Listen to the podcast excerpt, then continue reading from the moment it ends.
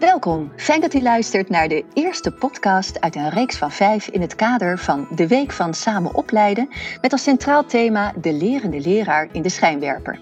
heeft plaats van vandaag tot en met 9 oktober. Iedere dag ontvangt u interessant materiaal zoals filmpjes, podcasts, praktijkvoorbeelden en u kunt verspreid over de week deelnemen aan allerlei webinars. Morgen op dinsdag 6 oktober vindt geheel coronaproof in aangepaste vorm tevens het congres samen opleiden plaats in Gooiland, waarbij het congres en de lezingen ook elders via de livestream te volgen zullen zijn. Mijn naam is Marceline Schopman en deze week spreek ik iedere dag met een deskundige over de kansen, de uitdagingen, beoogde successen van samen opleiden. En vandaag is mijn gast Jan Bogert, bestuurder bij de koepelorganisatie Vereniging Hogescholen, die bijna 40 hogescholen vertegenwoordigt. Jan is tevens voorzitter van het college van bestuur van de Hogeschool Utrecht. Hij studeerde daar zelf ook de sociaal-educatieve opleiding die opleiding bestaat inmiddels niet meer. Hij werkte daarna als docent bedrijfseconomie, had verschillende bestuursfuncties bij de Hogeschool Utrecht om in 2009 in het college van bestuur te komen. Jan loopt hard en ver. Ook de Marathon van New York. Hij is een enorme muziekliefhebber, gaat graag naar festivals zoals Lowlands en Down the Rabbit Hole. En u mag hem altijd wakker maken voor een fenomenale uiensoep. Welkom Jan Bogert. Welkom, dankjewel voor deze mooie introductie. Graag gedaan. Over die uiensoep gaan we het nu niet hebben, maar wel over de week van het samen opleiden. Um, Jan, we mogen elkaar tutoyeren, dus dat doe ik dan ook. Als jij in één kernachtige uh, zin het belang van samen opleiden zou mogen omschrijven, hoe luidt die zin dan? Nou, je zou kunnen zeggen, uh, leren, um, dat doe je zelf. Hè? Ik kan niet voor jou leren. Leren moet ik zelf doen. Maar leren kun je alleen maar in interactie met anderen. Uh, met je collega's, uh, met je opleiders, met je leerlingen. Dus dat betekent dat als het gaat om jezelf ontwikkelen en professionaliseren als leerkracht, dan zou ik zeggen dat kan alleen maar als we zeggen we gaan samen opleiden en professionaliseren. Dat klinkt heel mooi. Jullie hebben een strategische agenda. De Vereniging Hogescholen heeft die uh, eigenlijk geschreven om juist die toekomstbestendige leraren nog beter op te leiden of tot toekomstbestendige leraar. Uh, daarin staat ook beschreven dat jullie willen inzetten op vernieuwing van de lerarenopleiding, hè, het anders inrichten van het opleiden. Dat klinkt heel mooi, maar wat mogen we ons daarbij concreet voorstellen? Kan je een paar voorbeelden noemen? Nou, dat kan ik zeker. Maar kijk, in de kern komt het erop neer dat uh, de traditionele lerarenopleiding een, uh, een vast omlijnd curriculum heeft en had. En wat we nu zien is dat uh, de leerkracht en de, en de leerkracht in spe en de zij-instromer, ja, die zijn niet hetzelfde. Die zijn enorm divers en die brengen allerlei talenten, kwaliteiten, achtergronden met, uh, mee op het moment dat ze het onderwijs in willen. En het is aan ons om die, uh, die achtergronden, die kwaliteiten, datgene wat ze meebrengen, te kunnen kwalificeren en honoreren.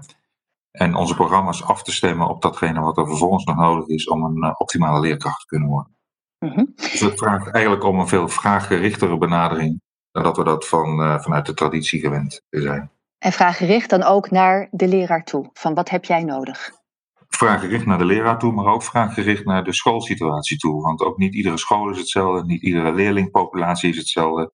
En de kunst is om juist op basis van die diversiteit en verschillen eh, tot vormen te komen waarin op basis van samenwerking eh, we deze leerkrachten kunnen opleiden.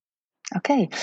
Um, ehm, hoe wordt dan vervolgens daarmee bijgedragen aan een van de drie uh, kernambities uit jullie strategische agenda? Hè? En uh, die luidt dan samen opleiden en professionaliseren als norm. Uh, hoe, hoe zit dat met die norm? Waarom is dat zo belangrijk, ook die norm? Nou, kijk, het, door als uitgangspunt te zeggen van het opleiden van leerkrachten, dat doen we samen en dat doen we in de school, geef je heel belangrijke richting aan, aan datgene wat je als opleiders, in dit geval het hoger beroepsonderwijs gaat doen. Mhm. Dus als je zegt van ja, we, we doen dit niet anders dan uh, in de school, dan is dat heel belangrijk. Kijk, verpleegkundigen leiden we op in het ziekenhuis, leerkrachten leiden we op in de school. Dat is een, belang, een belangrijk credo, een belangrijk uitgangspunt, wat richting geeft aan ons handelen. Helder. Een andere kernambitie uh, uit die strategische agenda is maatwerk en flexibilisering voor zittende leraren en leraren in opleiding. Uh, valt het dan ook weer terug naar wat je net vertelde, of vraagt dat concreet nog meer van enerzijds leraren en studenten en anderzijds besturen en scholen? Nee, kijk, ik denk dat het heel belangrijk is om te zeggen: van als op het moment dat je uh, leraren opleidt, wat ik net ook al zei, die, dat, ja, die zijn er in een enorme diversiteit. Uh, er komen bij ons studenten binnen die komen van de middelbare school met ambitie om leerkracht te worden. Mhm. Maar er zijn ook mensen die hebben 20, 30 jaar in een andere sector gewerkt en die willen ook leerkracht worden. Dat zijn enorme verschillen. Je wil ze uiteindelijk tot hetzelfde eindniveau brengen. En, uh, maar omdat die diversiteit zo groot is, heb je allemaal verschillende leerpaden en leerroutes en, en, ontwikkelingen door te maken. Dat kan niet zonder dat je dat samen doet met die leerkracht. En dat kan ook niet zonder dat je dat samen doet met de werksituatie waarin dat leren plaatsvindt. Dus het, ja, het is echt, echt, die samenwerking is cruciaal om, de, om deze doelstellingen te bereiken. Um, maar dan vraag ik me wel af, hè, want het is nu echt toegespitst op uh, de toekomstbestendige leraar. Maar wil het dan ook zeggen dat toen we het deden zoals we het nou, nog niet deden, zoals je het nu eigenlijk voorspiegelt, dat de leraren nog niet toekomstbestendig waren? Was dat niet goed genoeg? Nou, ik denk dat we trots kunnen zijn als samenleving op hoe we uh, omgegaan zijn met het opleiden van leerkrachten. Maar op dit moment is het niet voldoende, nee. En dat heeft ook te maken met dat de complexiteit van het vak neemt enorm toe. Eh, de diversiteit aan leerlingen neemt enorm toe. De dynamiek van, uh, van nieuwe inzichten en kennis neemt enorm toe. Dus je kunt het niet meer vergelijken met 20, 30 jaar geleden.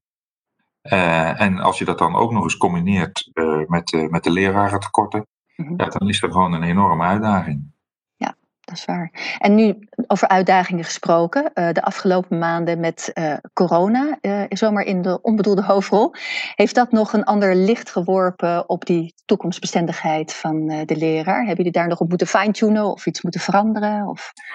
Nou, het, ik, ik vind wel dat het een ander licht geworpen heeft. Want ik, ik moet zeggen, de, de, de veerkracht die dus in de sector zit, ja, dat is echt ongelooflijk. En dat is wel heel erg zichtbaar geworden, nu juist door corona.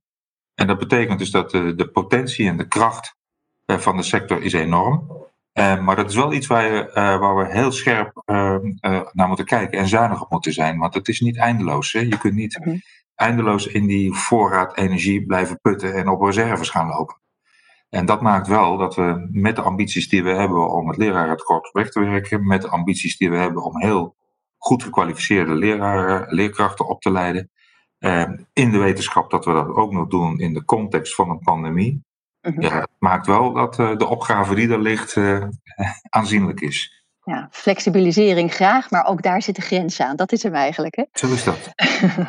um, Samenwerking in netwerken, dat is ook een van de uitgangspunten bij de geformuleerde ambities. Je noemde net ook al het werkveld hè, en universitaire lerarenopleidingen. Daar heb je natuurlijk ook een goede link mee. Um, wat moet er wat jou betreft als allereerste de aandacht krijgen in de huidige samenwerking om dat allemaal zo goed mogelijk voor elkaar te krijgen? Nou, volgens mij is het allerbelangrijkste om tot goede samenwerking in netwerken te komen, is, zijn goede relaties. Dus belangrijk is dat mensen elkaar leren kennen, mensen elkaar vertrouwen en dat ze lol en plezier hebben aan het samenwerken. Dat is het allerbelangrijkste. En ik denk dat we uit moeten kijken dat we uh, financiën of regelgeving of afspraken, uh, dat, dat moeten we niet al te belangrijk maken. We moeten het vooral met elkaar doen en, en daar lol aan beleven. En dan is er heel veel mogelijk. En dan komt de rest, en dat moet ook echt wel geregeld worden, maar goed, daar zijn wij als bestuurders dan ook verantwoordelijk voor. Dan komt de rest daar wel achteraan. Heb je Den Haag er ook voor nodig? Ja, daar hebben we Den Haag zeker voor nodig. Hè. Uh, maar ik merk wel dat we bij het departement uh, dit gesprek ook op de goede manier aan het voeren zijn. En ik merk ook, en daar ben ik heel erg blij mee, dat onze collega's bij, van de andere koepels, zoals de VO-raad, PO-raad, MBO-raad en VSNU, ja, wij zijn op één lijn gekomen in de afgelopen jaren. En we onderschrijven deze strategie met z'n vijven. En we ondervinden daarbij ook de steun van het departement. Nou, dat is volgens mij een basis waar, op, op basis waarvan we kunnen doorbouwen en doorontwikkelen. Dat is mooi. Alleen ga je sneller samen, kom je verder. Hè? Dat was hem, hè? Um, ja. ja. uh, nu ben jij benoemd tot maart 2021. Misschien dat je nog wel laat herbenoemen, dat weet ik natuurlijk allemaal niet. Maar laten we even die maart 2021 nemen als stipje op een uh, redelijk nabije horizon. Wat zou jij voor die tijd in ieder geval ontzettend graag voor elkaar gekregen willen hebben met betrekking tot het samen opleiden? Ik moest even nadenken in welke context ik benoemd ben tot maart 2021, maar dan bedoel je mij als bestuurder van de ja. Vereniging Hogescholen? Excuus, jazeker. ja, je hebt vele functies natuurlijk, maar als bestuurder inderdaad. Ja, vertel. Nou, wat ik dan bereikt eh, zou willen hebben, is dat we. Kijk, we zijn nu toch een beetje uh, incrementeel stappen aan het zetten. En, en vanuit een relatief beperkte planningshorizon zaken aan het regelen. En wat ik heel graag zou voor elkaar zou willen hebben voordat mijn bestuurstermijn bij de Vereniging Hogescholen eindigt, is dat we lange termijn beleid vanuit een verdeelde visie ook structureel verankerd gaan krijgen. En hoe ga jij daarvoor zorgen? Door iedere keer te blijven hameren op die lange termijn agenda en, uh, en te blijven bijdragen aan de kwaliteit van samenwerking tussen de verschillende koepels. Ja, mooi. Dat het geen papieren tijgertje onder in een la wordt. Dat lijkt me een fijne. Uh, dank voor al deze antwoorden. Het mooie is, uh, uh, u heeft allemaal vragen moeten beantwoorden, maar dan mag u ook een vraag uh, verzinnen voor mijn gast van morgen. Dus dan draaien we even de rollen om. mijn gast van morgen is Hein van Asseldonk, de vicevoorzitter van de VO-raad. U ongetwijfeld wel bekend. Welke vraag zou u aan hem willen stellen? Ik zou graag aan, aan Hein de vraag willen stellen van, we zijn begonnen met samen opleiden en we hebben de afgelopen jaren daar in ons denken het professionaliseren aan toegevoegd. Omdat we weten dat de ontwikkeling van de leerkracht niet ophoudt uh, na zijn eerste initiële opleiding. Um, maar ik denk dat er nog een stap te zetten is. Want uh, de, de, dynamiek die ik net al zo beschreef, die vraagt ook om innovatie, die vraagt ook om onderzoek. Dus mijn vraag aan Hein is, Hein, zouden we niet de ambitie moeten hebben om te zeggen van, het wordt samen opleiden, professionaliseren en innoveren? Ik ga hem stellen, die vraag uh, aan uh, Hein, morgen. Uh, luister naar de podcast van morgen, dan ga je het antwoord horen. Heel veel dank, Jan, voor jouw inbreng en je inzichten. En u, luisteraars, dank voor het luisteren naar deze aflevering van de podcast in het kader van de Week van Samen Opleiden. Vond u dit interessant? Natuurlijk vond u dat. Deel dan deze podcast met anderen. Samen opleiden doe je natuurlijk samen.